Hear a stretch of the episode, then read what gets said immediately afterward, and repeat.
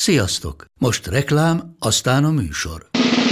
A műsor, valamint az élményekkel teli utazások, személyre szabott ajánlatok és állandó kedvezmények támogatója a Molmove hűségprogram. Nyisd meg a Molmove appot, a profilodba belépve add meg a Pogi promóciós kódot, és tankolj Molevo és Evo Plus üzemanyagjainkból 15 forint per liter kedvezménnyel. Ne feledd, a Pogi promókóddal most még jobban megéri Molmove tagnak lenni. Vége a reklámnak, jön a műsor.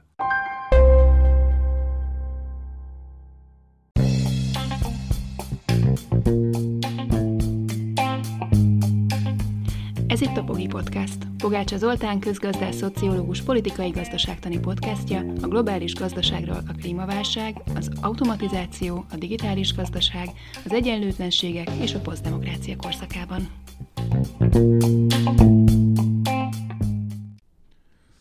Ukrajna orosz inváziója egészen új energiapolitikai helyzet elé állította Európát, az Európai Uniót.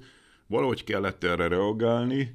A mostani adásban egyrészt azt fogjuk áttekinteni Jávor Benedek volt zöld EP képviselővel, hogy hogyan reagált az Európai Unió, hogyan reagáltak a tagállamai, a fenntarthatóság irányába hatott-e ez a változás, vagy pedig visszafelé mentünk sok szempontból az energiapolitikai átmenet tekintetében. Az a hirtelen kényszer, amit ez az orosz invázió jelentett, ez előnyös inkább, vagy hátrányos a jövőnk szempontjából, és azt is megpróbáljuk átnézni, hogy mi lenne egy fenntartható út, tehát, hogyha tényleg olyan átalakulás lenne, amire szükségünk van, ami kívánatos, az milyen lenne. Arról szólt tehát a mostani epizód, hogy létezik-e zöld alternatívája a gyors energia átmenetnek.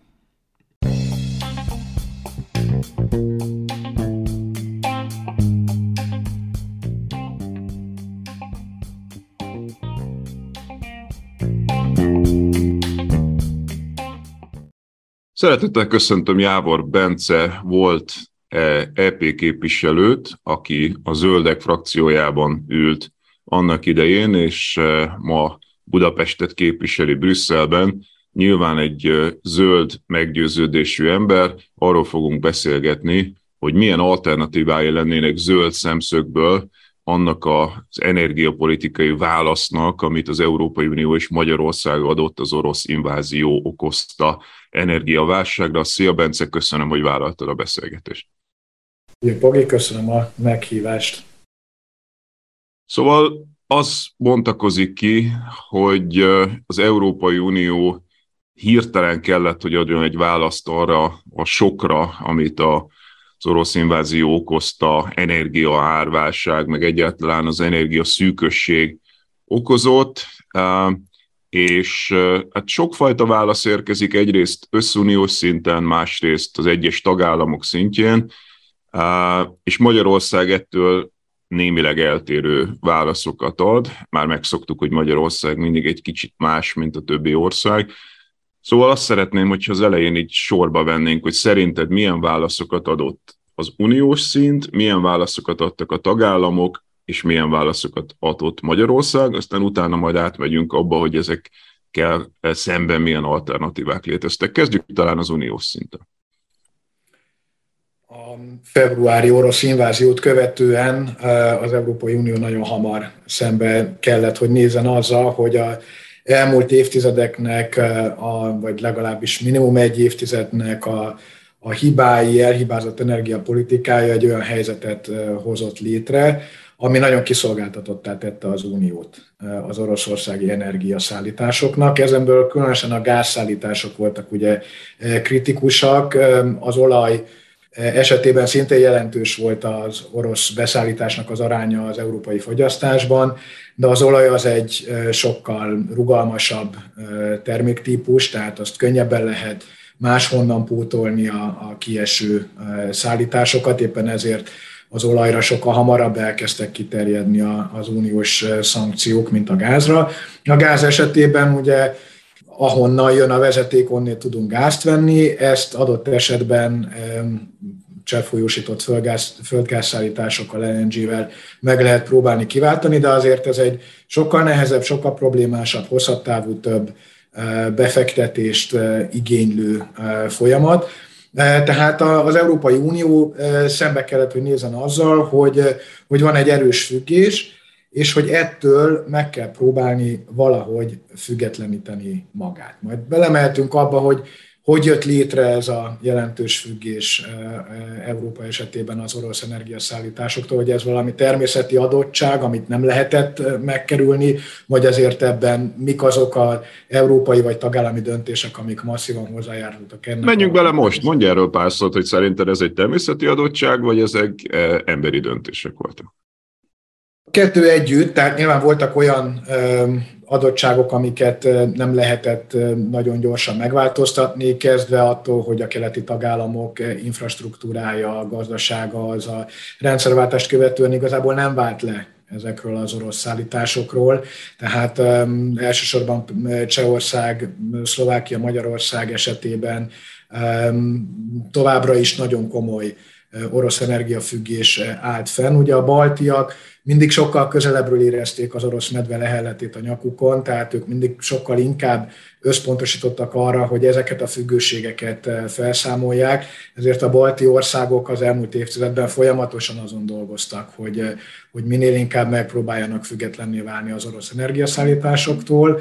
Lengyelország ugye sokkal inkább hazai forrásokra, elsősorban ugye a lengyel színre támaszkodott energetikailag, de általában a kelet-európai országoknak volt egy ilyen hozott öröksége az orosz függés tekintetében, és ezt valóban nem volt egyszerű ledolgozni, illetve olyan költséges lett volna ennek a felszámolása, amit sokáig ezek az országok úgy éreztek, hogy nem éri meg de valamennyire azért csinálták ezt, nem? Tehát, hogy ezeket az úgynevezett interkonnektorokat, amik ugye a nyugati irányba is csatlakoztatták ezeket az országokat a nyugati e, gázrendszerre, ezeket azért kiépítették a csehek is, a magyarok is, a szlovákok is.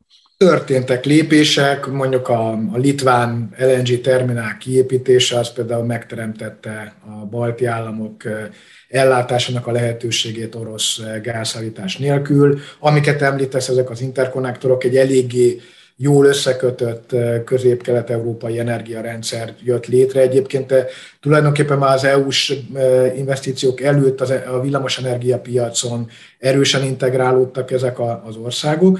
A gáz eh, infrastruktúrában azonban előállt az a helyzet, hogy ugyan sok interkonnektort építettünk, de tulajdonképpen valamennyi interkonnektoron orosz gáz érkezett, meg Baumgartennél is, osztrák oldalról tulajdonképpen az osztrákok által importált orosz gázt kaptuk vissza nyugati irányból. Tehát fizikailag megteremtettük az, az ellátásnak a lehetőségét különböző irányokból, de praktikusan ezeken az infrastruktúrákon az elmúlt években folyamatosan orosz gáz. Na de ha, ha ez van, amit mondasz, akkor nekem úgy tűnik ebből, hogy, hogy mégse annyira egy természetes adottság, hanem akkor mégiscsak egy emberi döntés, hiszen fizikailag meg lehetett teremteni az alternatíva lehetőségét, de ha még az osztrákoktól is orosz gáz jött, akkor tulajdonképpen ez mégiscsak valahol egy emberi döntés, hogy akkor mégis mindenki orosz gázt vett ezekben a rendszerekben. Van, hát ugye az orosz gáz eh, egyszerű volt, eh, olcsó volt relatíve, és eh, elég nagy bőségben rendelkezésre állt.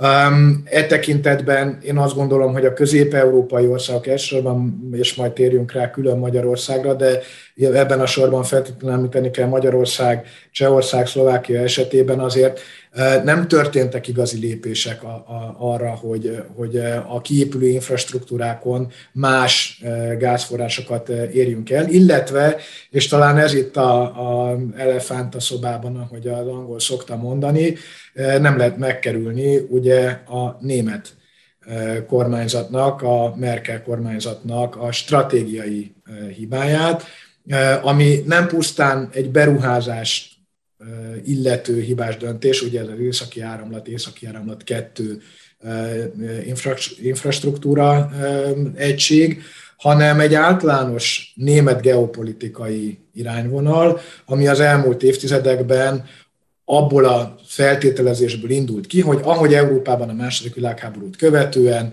a energetikai és gazdasági kapcsolatok megerősítése révén olyan kölcsönös függőségeket hoztak létre, hogy az megelőzte az európai konfliktusokat, és NOSA rendszerváltást követően Oroszországot próbáljuk meg úgy integrálni a nemzetközi gazdasági hálókba, a, építsünk ki olyan erős gazdasági kapcsolatokat Oroszországgal, hogy az gyakorlatilag Oroszország számára túl drágává tegye egy konfliktus kirobbantását.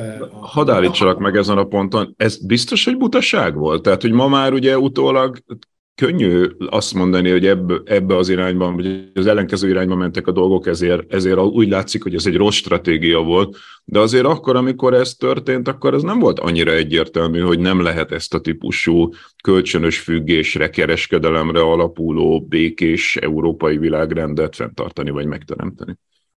Volt ez abúvó egy, egy teljesen reménytelen gondolat, a, a gyakorlatban nem működött, e, tehát most azért látszik, hogy ez egy, ez egy e, nem e, alkalmas eszköz volt. Az igazi problémát abban látom, hogy azért, hogy azt, hogy ez nem működik, azt sokkal korábban lehetett már látni. Tehát én azt gondolom, hogy lehetett azt gondolni, hogy Délosszétiáról azt se tudjuk, hogy hol van, hogy Abháziáról még annyira sem, hogy elnézünk a fölött, hogy Oroszország helyenként ilyen általunk ismeretlen obskurus helyeken megszáll egyes területeket, vagy segít különböző helyi destabilizációs, függetlenedési törekvéseket, hogy ezzel nem foglalkozunk, ennél fontosabb az európai béke, az együttműködés, szoros kapcsolatok Oroszországgal. De 2014-ben a Krím orosz megszállását és a kelet-ukrajnai bábállamok létrejöttét követően azt gondolom, hogy világosság kellett, hogy váljon minden realista politikus számára, hogy Oroszország egy nem megbízható partner. Biztos ez, biztos ez Bence. Tehát, hogy, hogy, hogy mondjam, hogyha ezt a logikát követjük, akkor ugye Kínával sem szabadna kereskedni, hiszen mindenki tudja, hogy Kína mit csinál az újgurokkal és Tajvannal, de Amerikával se szabadna kereskedni, hiszen elég bizonyított tény, hogy mondjuk Irakba úgy vonultak be, hogy hazudtak azzal kapcsolatban, hogy vannak-e e, tömegpusztító fegyverék. Tehát, hogyha az Európai Unió azt a logikát követni, hogy senkivel nem kereskedik, aki egyébként csúnya dolgokat csinált itt ott a világban, akkor eléggé magára maradna. Azt mondtam, hogy nem lehet kereskedni e, Oroszországgal. Egyrészt azért a dolgok hogy mondjam, nyilván meg lehet közelíteni ezt pusztán egy morális oldalról. Igen, Amerika szeret megszállni országokat, vagy beavatkozni országokban, különösen, hogyha ahhoz primer gazdasági érdeke fűződik. Amerika esetében ugyanakkor, hogyha geopolitikai, reálpolitikai oldalról nézzük a, a dolgot, akkor nem látszik a kockázat, hogy Amerika mondjuk egy fegyveres konfliktust is magában hordozó kockázatot jelentene Európa számára. Oroszország esetében ez a birodalmi típusú gondolkodás felerősödése az elmúlt években, ez egy közvetlen fenyegetést jelentett Európa számára, és igazság szerint ezt már az Európai Unió saját energiabiztonsági stratégiája kimondta 2014-ben, hogy eh, Oroszországot nem lehet megbízható partnernek tekinteni, csak ezt maga az Európai Unió és Németország és néhány további tagállam nem vette komolyan ezt a saját stratégiáját. Okay, na, ezzel se azt mondom, bocsánat, Pogi, hadd hm? fejezem yeah. ezzel se azt mondom, hogy nem lehet kereskedni Oroszországgal, vagy hogy Oroszországból egy észak kell csinálni és teljesen elszigetelni. Az azonban, hogy egy kritikus eh, függőséget nem hogy felszámolni kezdett az Unió és a tagállamok egy része, hanem kifejezetten az északi áramlat kettő építésével, azt hogy 2014-ben indítják azt a projektet, még növeli is az egyre fenyegetőbb kockázatot jelentő Oroszország irányába ezt a stratégiai függést, ez szerintem egy súlyos hiba, és ez, ez felülírja azokat a esetleg jó szándékú elgondolásokat, hogy az Oroszországgal való kapcsolatok pacifikálják-e. Világos. Tehát, hogy tulajdonképpen akkor, hogyha egy partnerként megtartottuk volna Oroszországot, és ezt a stratégiát próbálgatjuk, de közben nem növeljük a tőlük való függést, és most még mindig az Európai Unió szintjén beszélgetünk, akkor, akkor esetleg ez egy érdekes kísérlet lehetett volna, de az, hogy ennyire növeltük a függést uniós szinten Oroszországtól, ez volt a stratégiai hiba.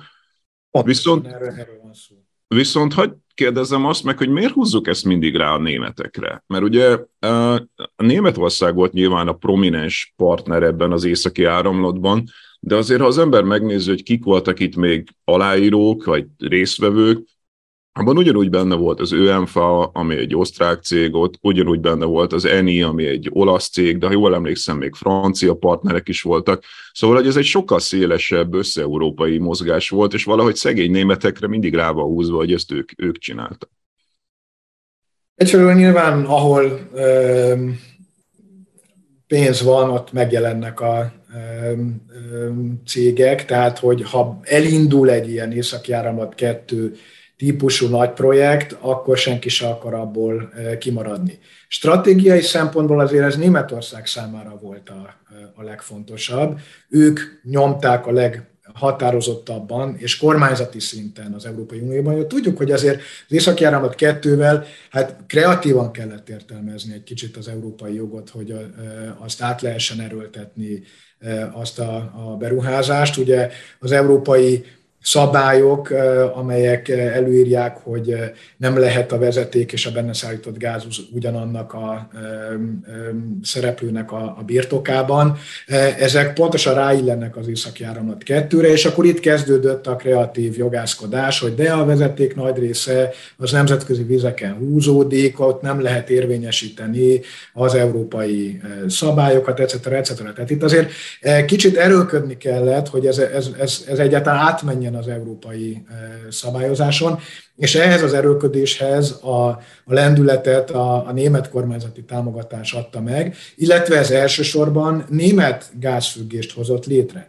Tehát eh, miközben persze benne volt egy rakás eh, további cég is, amelyek szintén érdekeltek voltak benne, de maga az északi áramlat 2, az főképpen Németország stratégiai kitettségét növelte volna, vagy, vagy növelte bizonyos értelemben Oroszország felé, és tette sokkal nehezebbé, hogy Oroszországgal szemben az egyre nyilvánvalóbb kockázatok és veszélyek dacára ne induljanak el határozott intézkedések vagy fellépés, mert attól tartottak, hogy ezzel Németország energetikai ellátás biztonságát veszélyeztet. Világos. Jó, tehát akkor eddig odáig jutottunk, hogy az olaj az könnyebben variálható, gázban sajnos az egy, az egy nehezebben mozgatható infrastruktúra, de hogy elindultunk abba az irányba az elmúlt tíz évben sajnos, hogy gázban nagyobb függés Oroszországtól, és nem néztem az adatokat, de én nem vagyok biztos benne, hogy olajban nem volt még nagyobb függésünk szintén Oroszországtól.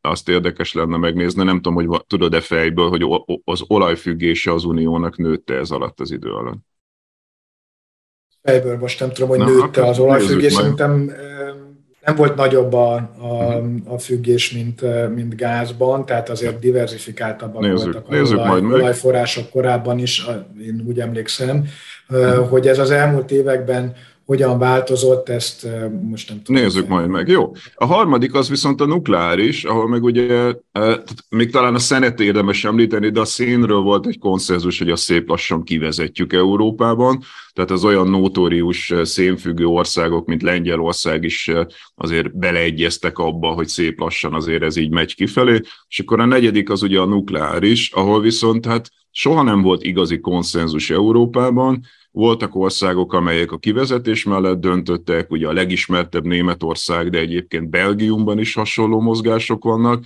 Voltak olyan országok, amelyek nagy arányban atomfüggőek, mint Franciaország, és azok akart maradtak is olyanok, és voltak olyan országok, amelyek meg igazából még mozdultak is a nukleáris irányba. Itt ugye Magyarország a legerősebb, de mondjuk Finnország is ilyen volt. Tehát, hogy itt sose volt igazából nukleárisban egy európai konszenzus, gyakorlatilag az európai közösség megteremtése óta sose sikerült egy, egy igazi konszenzus létrehozni.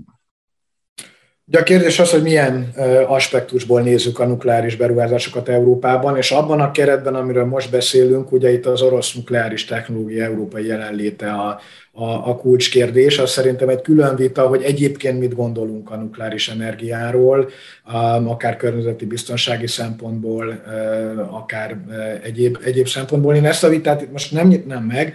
Szerintem itt az a kérdés, hogy Európa nukleáris értelemben, nukleáris energia tekintetében mennyire van kitéve Oroszországnak.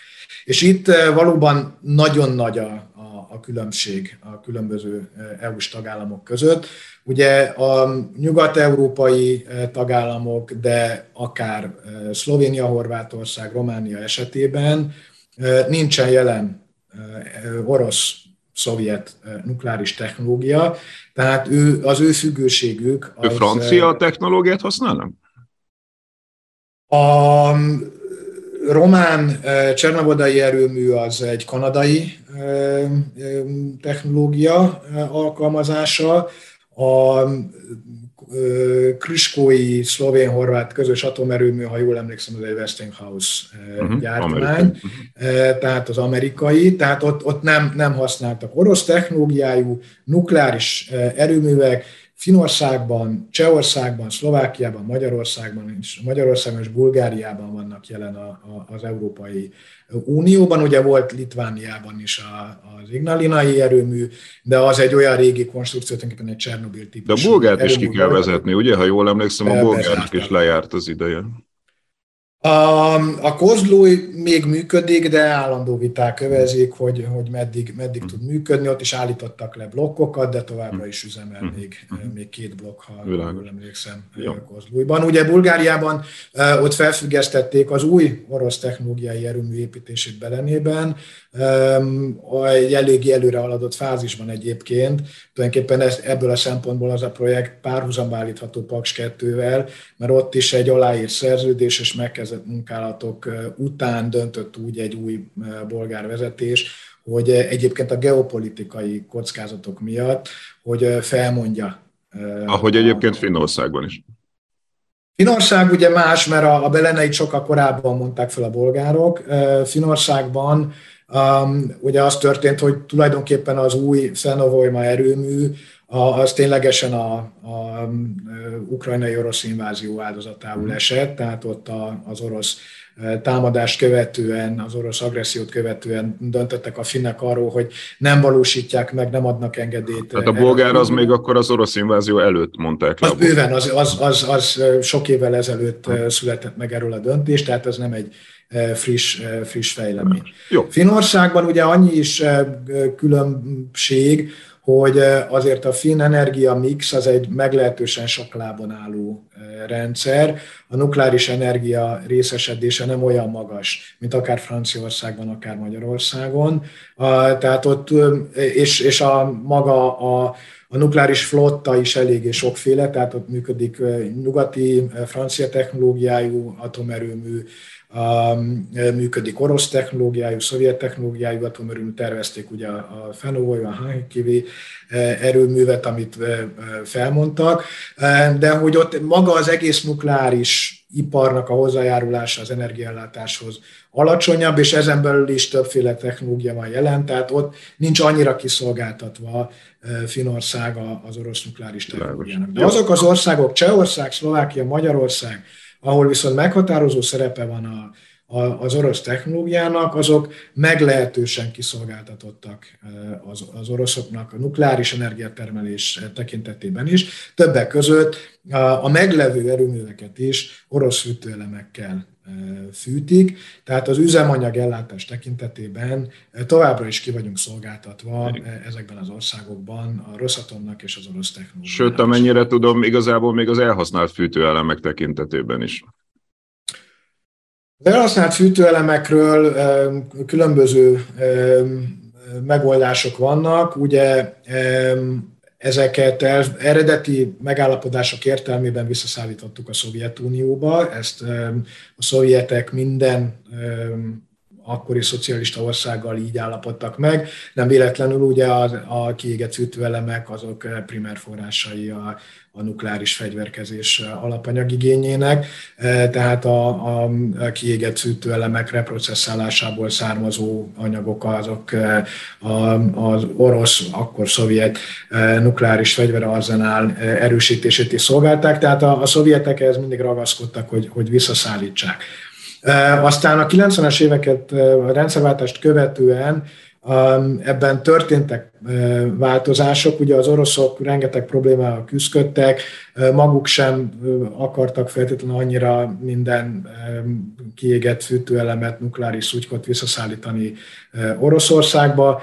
Az Európai Uniós csatlakozással ugye ezeknek a tagállamokra elkezdett az európai szabályozás érvényessé válni, amelyik kimondja, hogy a nukleáris hulladék végleges elhelyezéséről az azt előállító országnak kell gondoskodnia, tehát nem lehet véglegesen visszavinni Oroszországba ezeket a, a, a hulladékokat, úgyhogy egyrészt amíg vissza lehet vinni Oroszországba, addig valamit kell itt csinálni, ugye erre szolgál Pakson is a kiégett fűtőelemek átmeneti tárolója, illetve a végső elhelyezésre a a kiégett fűtőelemek végső elhelyezésére az adott tagállamban kell megoldást találni. Magyarországon is ugye tervezik a... a igen, amennyire tudom, Magyarországon ez még nincsen véglegesen eldöntve, hogy mit csinálunk ezekkel, hogy fölmerültek bizonyos... A terv az Bodán Pécs térségében egy, egy végleges lerakónak az elhelyezése, vagy kialakítása, e körül mennek ugye társadalmi viták is, elég komoly ellenállás van Pécsen, ez Pécs belvárosától 10-12 kilométerre létesülne ez a, ez a lerakó. Egyelőre kutatási szakaszban van, tehát eh, még, még a, a kialakítása sem kezdődött meg ennek a eh, lerakónak, tehát egyelőre pakson halmozódik a, a, a kiégett fűtőelemek az átmeneti tárolóban. Jó, na akkor jussunk el oda, hogy megtörténik az orosz invázió, és hirtelen hát két dologra kell reagálni. Egyrészt energiaszűke van, tehát kevesebb gáz jön például, mint korábban, másrészt pedig energia árrobbanás van, tehát valamit kell kezdeni azzal, hogy sokszorosára emelkedik gyakorlatilag mindennek az ára. És akkor azt látjuk, hogy az Unió sokféleképpen reagál, tehát én nem mernék azt mondani, hogy egyik vagy másik irányba. Ugye egyrészt meggyorsítja a dekarbonizációt, a fenntartható energiáknak a, a telepítését, a helyreállítási alapból van, vannak erre források, egyéb más forrásokat is próbálnak mobilizálni, tehát felgyorsítani az elfordulást a foszilis érától, de ugyanakkor van egyfajta visszafordulás is, hiszen ugye csomó tagállamnak engedélyezik, hogy a szenet elővegye ismét, ugye, megint csak notorius Lengyelország, és a nukleáris erőműveknek a kivezetése is hát lassul legalábbis egy csomó országban, és ugye sok szokták mondani, hogy hát a nevető harmadik az Franciaország, hiszen a nukleáris energia óriási arányú használásával tulajdonképpen ők átvésztelik ezt a korszakot. Neked mi a megítélésed arról, hogy ezek az különböző uniós lépések, ezek mennyire fenntarthatóak, mennyire rövid távúak? Ugye a gáz esetében látszik, hogy az LNG importálása az, ami, ami egy ilyen rövid távú megoldásnak tűnik, Szóval, hogy mennyire a jó irányba, a fenntartható, a hosszú távú irányba mozdultunk, vagy mennyire volt ez egy ilyen rövid távú kényszer, ahol hirtelen mindenkinek valamit kellett lépnie? Hát örömmel látom, hogy a, a nukleáris lobby szervezetek olyan erősen tudják a véleményüket átnyomni, hogy Pogi, még te is csodálatosan uh, Én itt csak az ördög ügyvédét a, játszom, a, de az ez egy nagyon széles körű álláspont. A jelen pillanatban Franciaország energetikailag Európa egyik beteg embere, tehát nagyon súlyos problémák vannak a francia energiarendszerrel. Szó nincs arról, hogy ők nevető harmadik lennének, vagy ők segítenék most ki Európát az energiaválságban. Franciaországot jelen pillanatban Németország segíti ki energiával, mert a francia nukleáris blokkoknak nyár óta nagyjából a fele áll, részben karbantartás, műszaki meghibásodás miatt, részben a aszályos és forró nyár miatt a hűtővíz kapacitások szűkössége miatt le kellett állítani az erőművek jelentős részét. Tehát Franciaország jelen pillanatban egy nagyon komoly probléma az európai energiarendszerben, és éppen azért, mert ilyen nagymértékű a nukleáris energiától való függése. Úgyhogy Franciaország nem nevető Na jó, de hogyha már kineveztél a nukleáris lobby... probléma. De ha már kineveztél a nukleáris lobby szóvivőjének, akkor hagyj játszom ezt a szerepet végig. Eh, Oké, okay, de jön a tél, eh, nem lesz eh, nem lesz gáz, nem lesz olaj, mondják sokan, és hát ugye akkor már a hőmérséklet lejjebb megy, és ezek a karbantartások ezek megtörténnek, nem lehet-e, hogy mondjuk télen, amikor sok országban megszorításokra lesz szükség energia szempontjából, fűtés szempontjából, akkor viszont tényleg nevető harmadik lesz Franciaország valamennyi erőművet vissza fognak tudni kapcsolni, azért azt látjuk az előjelzések szerint, hogy egyszerűen a, a műszaki problémák miatt ez messze nem fogja azt jelenteni, hogy a teljes francia nukleáris flottát üzemeltetni lehet. Valószínűleg tére valóban Franciaország a abból a prompt energiaválságból, amiben most van, ki tud kászálódni, de nincs jele annak, hogy, hogy más országokat e, ezügyben ki tudna segíteni. Tehát nem, senki ne reménykedjen, hogy majd a francia atomerőmű flotta megmenti de Európát. Ráadásul ugye fűtésben a, a, a villamos energia egy szűkebb hányadot képvisel, tehát a, a fűtési problémákat nem is fogják tudni a, a francia atomerőművek biztosítani. De szerintem most egy picit váljunk el a, a, a francia nukleáris ipartól, mert ez egy nagyon fontos dolog, amit felvetettél, vagy amit feszegettél, hogy tulajdonképpen merre is indult el Európa az ukrajnai háború nyomán. És őszintén szólva, február 21-ét követően nagyon komoly félelmek voltak. Ugye az Európai Bizottság 2019-ben meghirdette a Green, European Green Deal programot, a, a zöld megállapodás programot, ami egy elég intenzív dekarbonizációs pályát hirdetett meg, a korábbiaknál sokkal ambiciózusabbat, és hogy az energiaválság, amit mindenki érzékelt, hogy a háború nyomán nagyon súlyossá fog válni, hogy az egyszerűen el fogja söpörni az európai intézményeknek ezt a Green Deal-es, klímaátmenetes ambícióját és célkitűzését. Ehhez képest én azt látom, hogy némi hezitálás után azért a vektorok eredőjeként Európa a zöldítés felgyorsítása irányába mozdult el. És nyilván szét kell szálazni a különböző intézkedéseket. Itt van egy, egy prompt energiahelyzet, amit valahogy kezelni kell, és eh, ebben valóban vannak olyan intézkedések, amelyek nem feltétlenül állnak összhangban a, a dekarbonizációs eh, törekvésekkel, vagy legalábbis nem a felgyorsításukat. Tehát a, az orosz gázt eh, részben egyszer másonnan eh, importált, főleg LNG gázzal próbáljuk meg pótolni.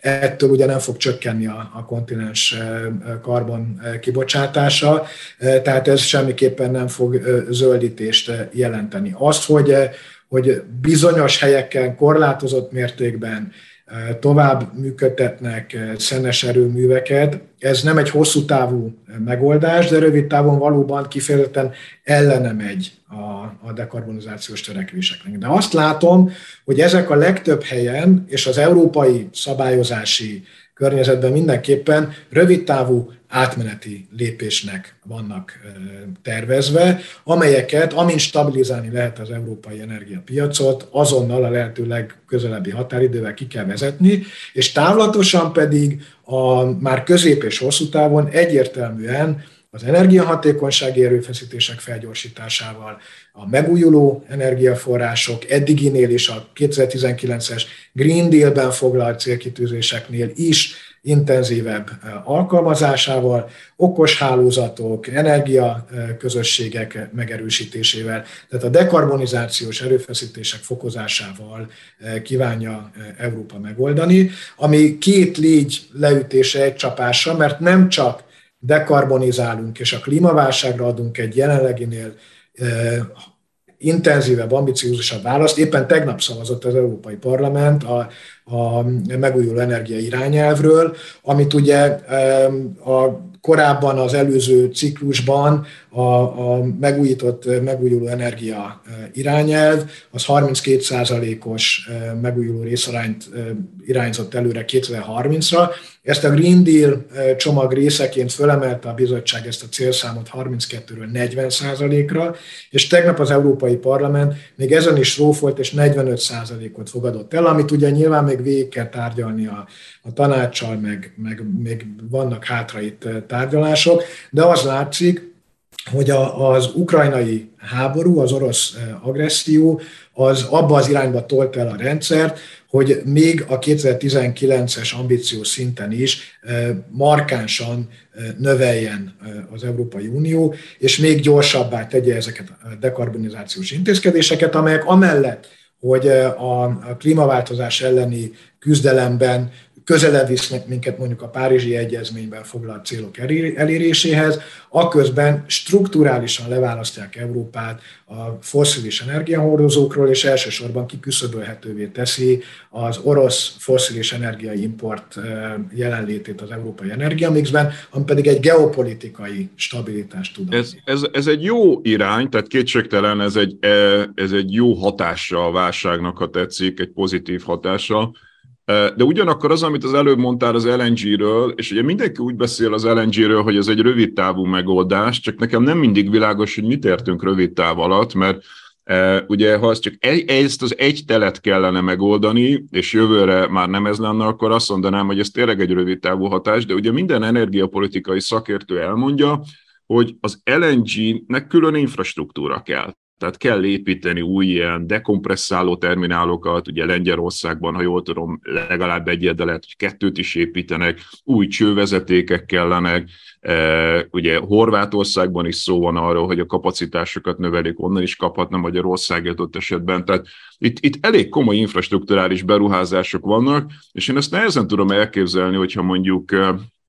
nagy társaságok ekkora beruházásokat eszközölnek, akkor utána jövőre meg majd azt mondják, hogy jó, akkor ezt engedjük el, e, túl vagyunk ezen a rövidtávú megoldási kényszeren, és most már jöjjön fullban a dekarbonizáció. Szóval nem lehet, nem félünk-e attól, hogy e, hogy ezek a hatalmas investícióknak, ezeknek meg kell térülni, és akkor tartósan átállnak ugye katari LNG-re, algériai LNG-re, amerikai, kanadai LNG-re, aminek ráadásul egy része még pala is, tehát ugye azt is tudjuk, hogy az amerikai, kanadai E, forrásból származó gáz, ez ráadásul még, még koszosabb gáz, mint amit mondjuk Katarból kapunk, e, tehát, tehát még akár ezek súlyosan rontják is a helyzetet. Abszolút, és nagyon félünk tőle, tehát ez egy nagy, nagy küzdelem és vita az európai szintéren, mert valóban fennáll ez a úgynevezett technological lock-in, tehát ez a technológiai bezáródás veszélye, hogy itt hirtelen ilyettünkben építünk egy rakás LNG terminált, aztán utána hát egy ilyen infrastruktúra, ha már van, akkor használni akarjuk, és ez beragasztja Európát egy, egy gáz energia függőségbe, csak nem az orosz gáztól. Ez nagyon fontos, és a zöldek például az Európai Parlamentben nagyon keményen küzdenek ezért, de én a, még a bizottságon belül is látom egyébként a szándékot, hogy, eh, hogy azért alaposan nézzük meg, hogy mi az az infrastruktúra. Most ugye mindenki gázinfrastruktúrával jön, és, és azt gondolják, hogy bármi, ami gáz, arra most lehet EU-s pénzt szerezni, mert, mert energiabiztonság, és, és a, gyakorlatilag akármilyen ökörségre eh, lehet EU-s támogatást szerezni, hogyha azt tudjuk mondani, hogy ez ez gázellátás biztonságot jelent. Na most ennek a kísértésnek nagyon keményen ellen kell állni.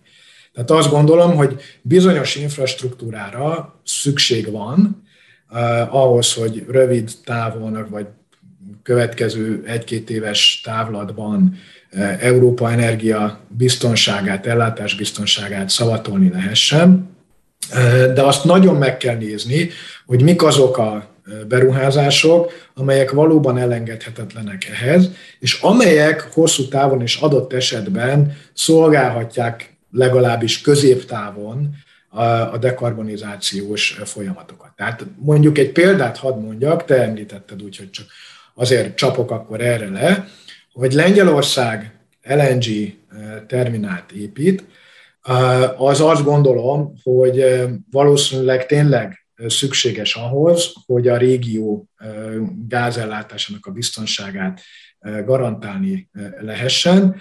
Ha egyébként középtávon mondjuk egy 5-8 éves távlatban az ott beérkező gáz segítségével, mint átmeneti energiahordozó segítségével amúgy Lengyelország szénfüggését csökkenteni lehet, és ezáltal jelentősen csökkenteni a, a lengyel széndiokszid kibocsátást, üvegházgáz kibocsátást, és egyébként van egy világos menetrend, hogy amúgy ennek az infrastruktúrának a használata az korlátozott időtartamra van, és már most meg kell tervezni a kivezetését, és a, a lengyel dekarbonizációs eh, tervnek tartalmaznia kell, hogy hogy jutnak el 2050-re a, a, a klímasemlegességig, akkor én elfogadhatónak tartok néhány ilyen eh, infrastruktúrális beruházást. Ez ugyanúgy érvényes gázvezetékekre is, mi az, ami, ahol valóban olyan eh, szűk keresztmetszetek vannak, a, amiket orvosolni kell, de annak a kísértésnek feltétlenül ellen kell állni, hogy most boldog-boldogtalan akármilyen gázinfrastruktúrára pénzt kapjon, akár uniós, akár tagállami forrásokból, mondván, hogy tulajdonképpen gázinfrastruktúrára nem lehet most mellé fogni, mert nagyon is mellé lehet fogni, és valóban ki lehet építeni egy olyan túlépíteni az infrastruktúrát, amit aztán eh, fájó szívvel nem tudunk kidobni, és eh, használni akarjuk. E tekintetben egyébként a helyzet még, még egy kicsit trükkösebb, mert azért okos fiúk ezek a eh, foszilis cégekben ülő különböző lobbisták, és nem is azzal érvelnek, hogy hogy most építsünk nagyon sok gázinfrastruktúrát, mert mi 2050-ben is még, még gázt akarunk or, orrunkkal, szájunkon keresztül égetni, hanem azt mondják, hogy ezek olyan infrastruktúrák, amik a későbbiekben egy dekarbonizált európai energiarendszernek is a gerincét tudják képezni, és majd biogáz, meg hidrogén, meg nem tudom, mi fog áramolni ugyanezekben a, az infrastruktúrákban. És Ami nem egyébként fog? nem, nem nettó hülyeség, tehát mm. kétségkívül, hogyha például Európa intenzíven akar hidrogént használni, akár az ipari folyamatokban, akár az energiatermelésben, közlekedésben mondjuk, akkor szükség van egy infrastruktúra fejlesztése, de nagyon könnyű belecsúszni abba a helyzetbe, hogy rányomunk mindenre egy ilyen zöld bélyeget, hogy ú, hát most itt éppen történetesen Katari LNG-t fogunk ezen keresztül szállítani, de valójában ez hidrogén infrastruktúra, és 2040-ben szomorúan nézünk ki a fejünkből, hogy ezen még mindig Katari LNG Aha.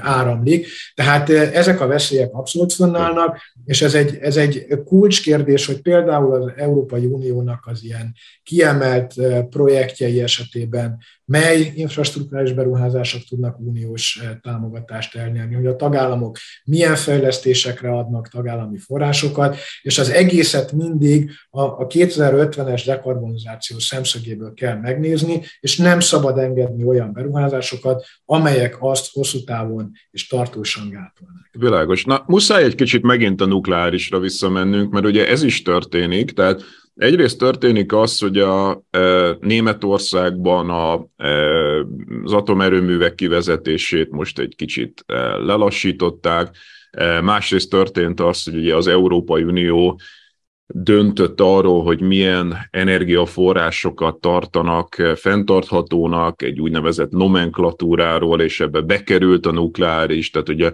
lehet, hogyha nem lett volna orosz invázió, akkor nehezebb lett volna be lobbizni, de a, az atomenergiát nem tudjuk, de hogy most viszont ugye hivatalosan is az unió stratégiájában benne van, mint, mint, mint fenntartható energia a nukleáris, és hogy nagyon sokan ezt mondják, és hogy muszáj megint itt egy kicsit ördögügyvédjeként idehoznom ezt az álláspontot, hogy lám-lám, ez is mutatja, hogy a német zöldek stratégiája mennyire rossz volt, meg Merkel stratégiája mennyire rossz volt, mert hogyha nem csinálták volna ezt a nukleáris kivezetést, akkor ma Németország is rendben lenne, és nem szorulna rá orosz foszilisre, és nem kéne ezt az egészet most visszacsinálni. Tehát, hogy egy nagyon-nagyon elterjedt nézet, hogy a német energia váltási stratégia az kudarcot vallott.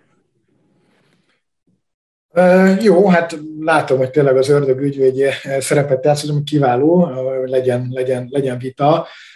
Tehát egy, a, a nukleáris kivezetési döntések azok Németországban jelenleg azt jelentik a, ennek a felülvizsgálata, hogy néhány hónappal eltolták két vagy három nukleáris blokk bezárásáról, a, vagy bezárását, amelyek a német villamos energiatermelésnek pár százalékáért felelősek.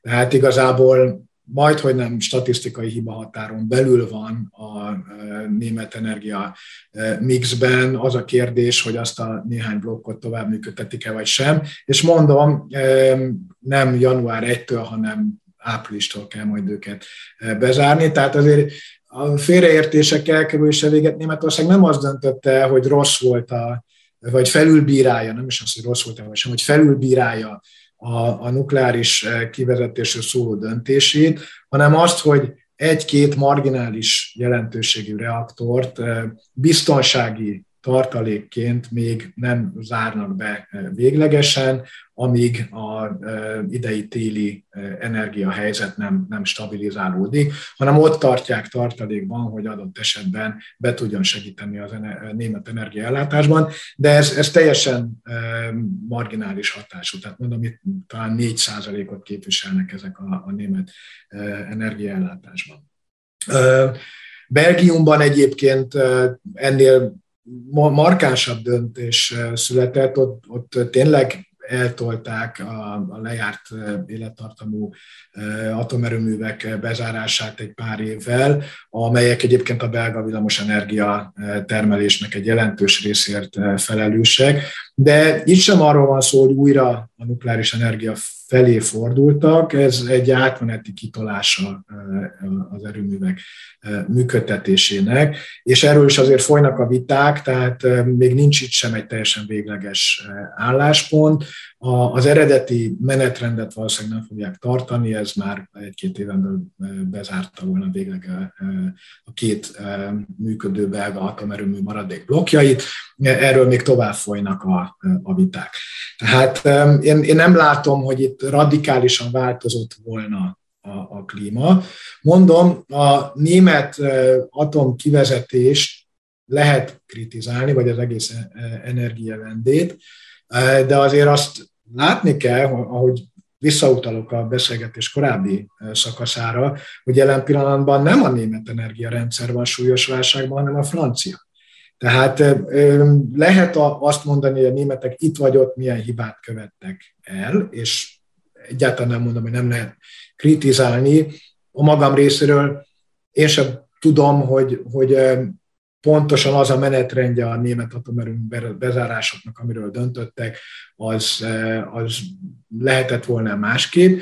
Azt viszont biztosan tudom állítani, hogy messze nem Németország a legkritikusabb helyzetben, energetikai szempontból legkritikusabb helyzetben lévő tagállam, hanem olyan tagállamok, ahol egyébként a nukleáris energia masszív és markáns részét képezi a villamos energiatermelésnek. Ezzel azt akarom pusztán mondani, hogy az, hogy egy ország az atomenergia mellett köteleződik el, az egyáltalán semmiféle garanciát nem jelent arra, hogy, eh, hogy energetikailag stabilabb, mint Németország, amely Igen. a nukleáris energia kivezetése mellett döntött, sőt, valójában Franciaország, Magyarország, ahol jelentős a nukleáris energia részaránya, az a energetikai szempontból jelenleg legsérülékenyebb tagállamok közé tartozik. És ehhez még azt akartam hozzátenni, hogy hát ugye mindig úgy beszélnek a nukleáris energiáról, mint hogyha ez egy ilyen hazai eredetű forrás lenne, szemben ugye az importált gázzal, olajjal, de hát ez egy illúzió, tehát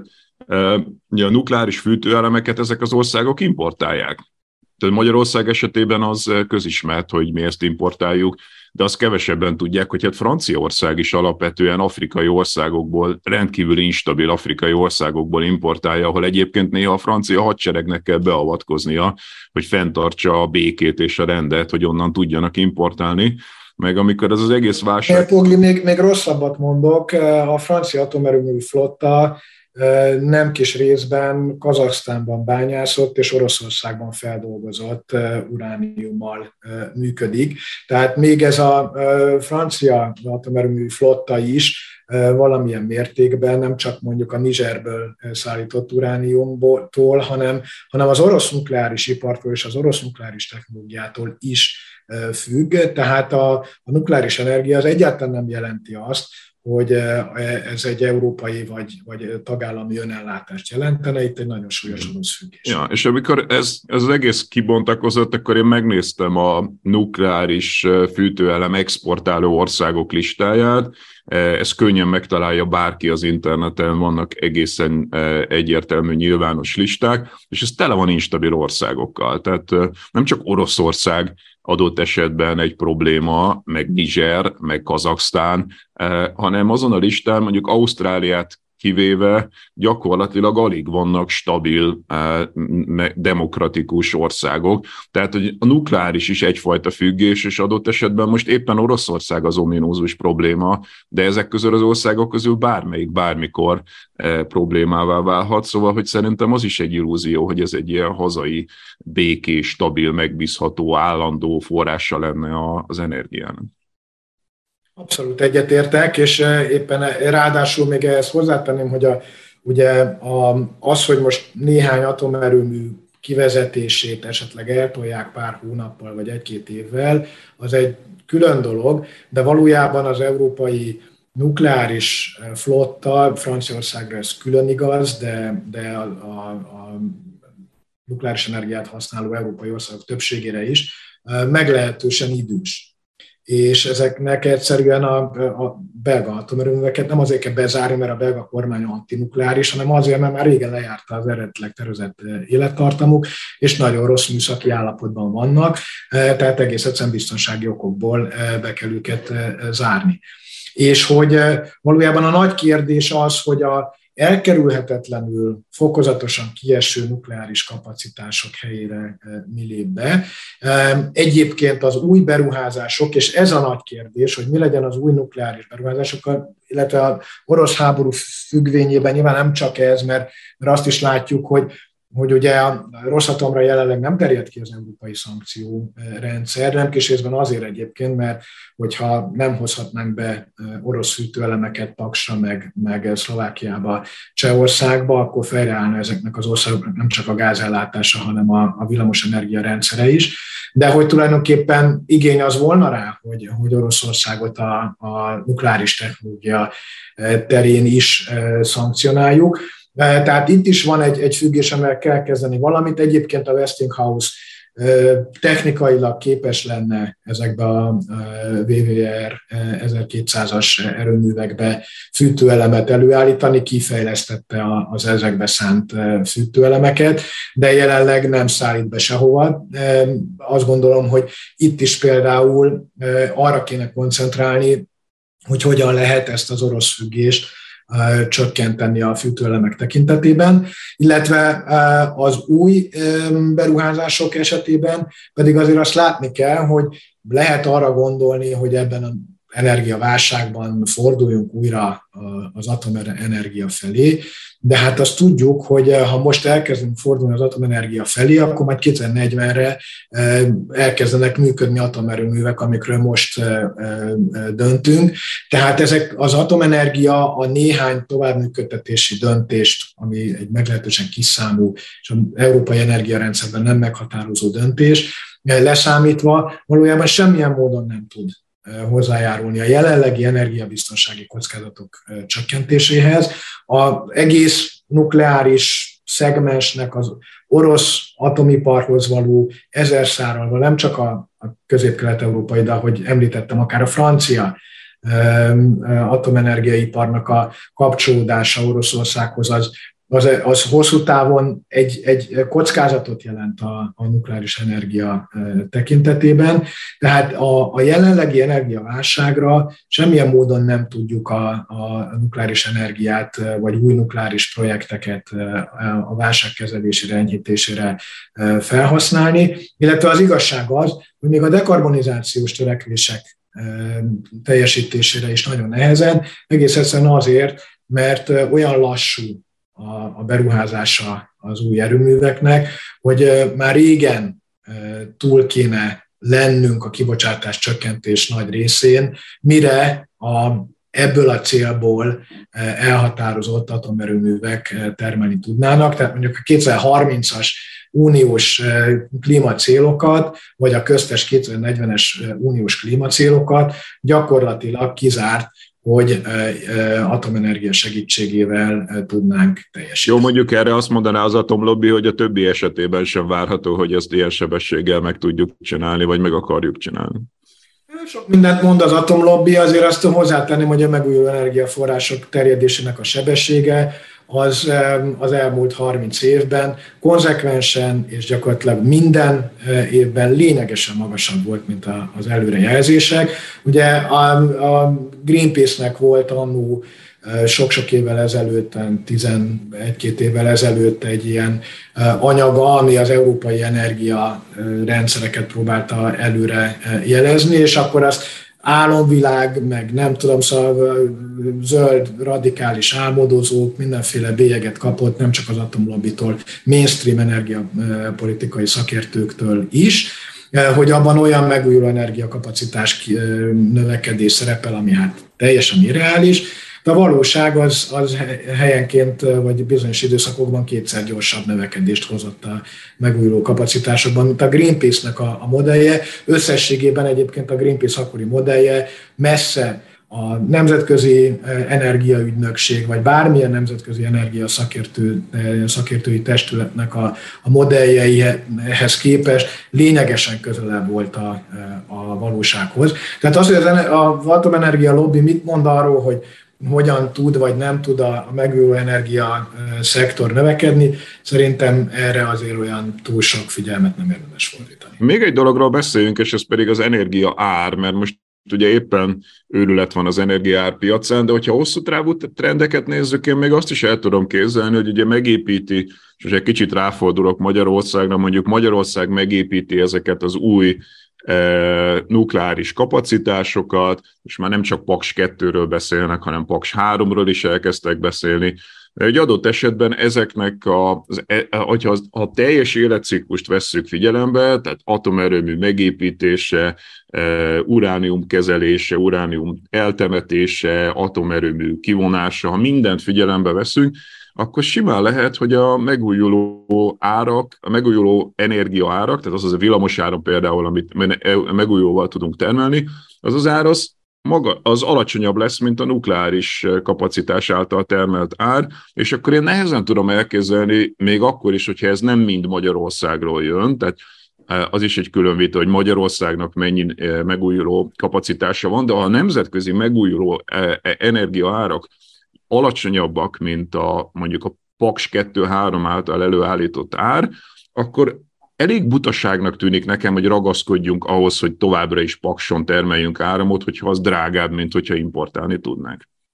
Hát pedig ez a helyzet, tehát hogy ez nem a jövőben előállhat, hanem, hanem konkrétan ma a, az európai piacokon, a legtöbb helyen a, még a nem új építésű, hanem a működő nukleáris erőművek termelési költsége alá is be tudnak menni sok helyen a, a megújuló energiaforrásoknak, legalábbis bizonyos fajtái. Tehát mit tudom én, offshore wind az, az nyilván nem, nem a legolcsóbb megújuló energia, de megfelelő körülmények között onshore wind, tehát szárazföldi szél, napenergia esetében simán be tudnak menni, akár Paks 1 árai alá, ami most ugye olyan 11-12 forint per kilovattúra, Európában aukciókon ma már rendszeresen ilyen 9 forint körüli kilovattúrás árakat ígérnek a, a megújuló termelők.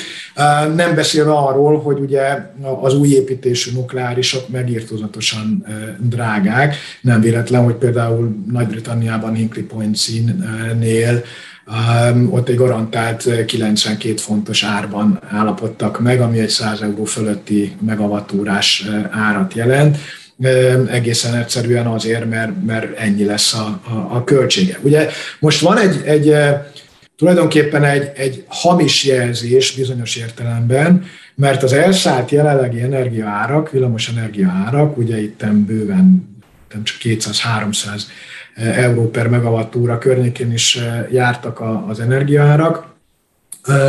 Ezek most azt a jelzést küldik, hogy mindegy, hogy mibe kerül egy atomerőmű, mert olyan magasak az energiaárak, hogy még az is megtérül, és ez igaz. Pakson ugye a kormányzati előrejelzések szerint 55 euró per megawattórával számolnak.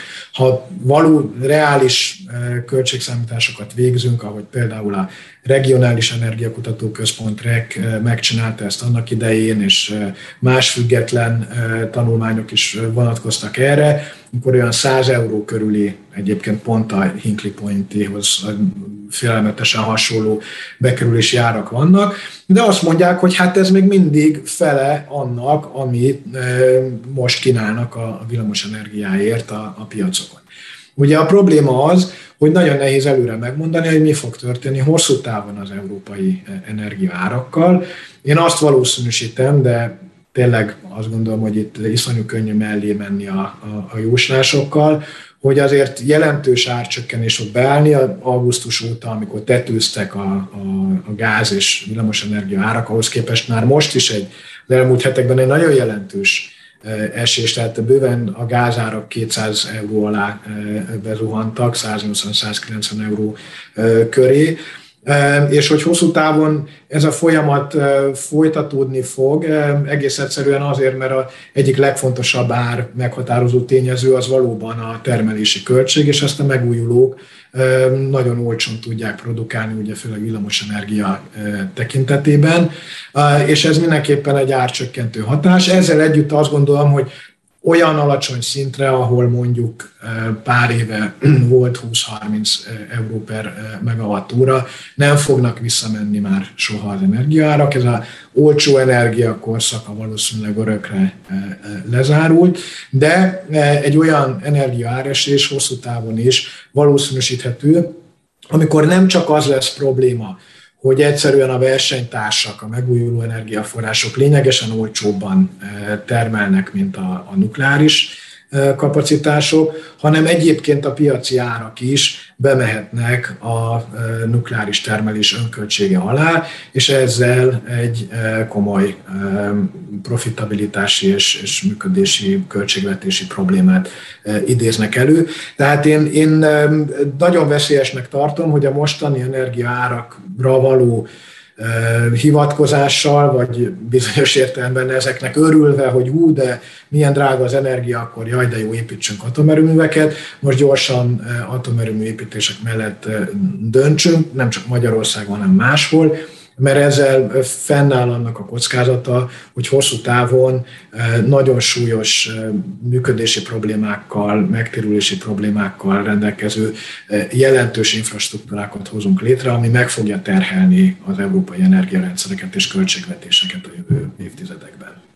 Jó, köszi szépen. Most az történt, hogy ugye az eredeti terv az volt, hogy beszéljünk Európáról és beszéljünk Magyarországról, de ebbe a beszélgetésbe kiderült, hogy annyira komplex kérdés ez, annyira sok mindenre kell kitérni, hogy tulajdonképpen az időnket végigbeszéltük, és csak, az európai szintre volt valójában időnk. Én csak azt tudom ígérni, hogy, hogy folytatjuk ezt a beszélgetést, és akkor egy második külön beszélgetésbe akkor térjünk ki Magyarországra, mert az is elég komplex, és az is elég bonyolult. Szerintem... Hát amit az elején említettél, hogy ugye itt egy, nem csak egy energia, hanem egy ár és szociális válság is van, és szerintem ez egy még ennél is sokkal izgalmasabb kérdés, hogy mit lehet csinálni ezzel a jövőben, és hogyan lehet adott esetben az energetikai átmenetet úgy megvalósítani, hogy nem csak segítjük pénzzel a, rászorulókat, hanem lehet-e strukturálisan átalakítani az energiarendszereket, úgyhogy azok a társadalmi igazságosság céljait szolgálják. Én csak annyit tudok ígérni, hogy akkor csinálunk egy másik beszélgetést, amiben erre is kitérünk, tehát az ilyen szociális el, elosztási kérdésekre, illetve arra, hogy Magyarországnak mit kéne csinálnia, viszont ezt a beszélgetést most nagyon szépen köszönöm neked, Jávor Benedek, e, volt EP képviselő, e, zöld e, energiapolitikus, ha lehet így mondani. Én köszönöm a lehetőséget.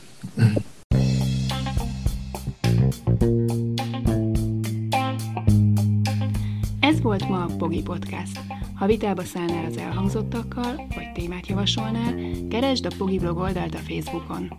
Ha támogatnád a podcastot, azt a www.patreon.com per Pogi Podcast oldalon teheted meg. Köszönjük! Ha más podcastekre is kíváncsi vagy, hallgassd meg a Béton műsor ajánlóját. El tudod képzelni, hogy a podcastet, amit éppen most hallgattál, fél év múlva már a mesterséges intelligencia generálja? Mi sem. De ha érdekel, eljött már a gépek lázadása. Hallgass bele az Embertelen podcastbe. Orsós Lajos vagyok, a műsor házigazdája. Egyelőre még élőben. Egyelőre. Fedezzük fel együtt, hogyan ismerkedik, randizik, mesél és vitatkozik Betty és Péter, két teljesen mesterséges intelligencia. Lajos, a podcast címét mond még egyszer, Léci. Oké. Okay. Embertelen podcast. Ez a műsor a Béton közösség tagja.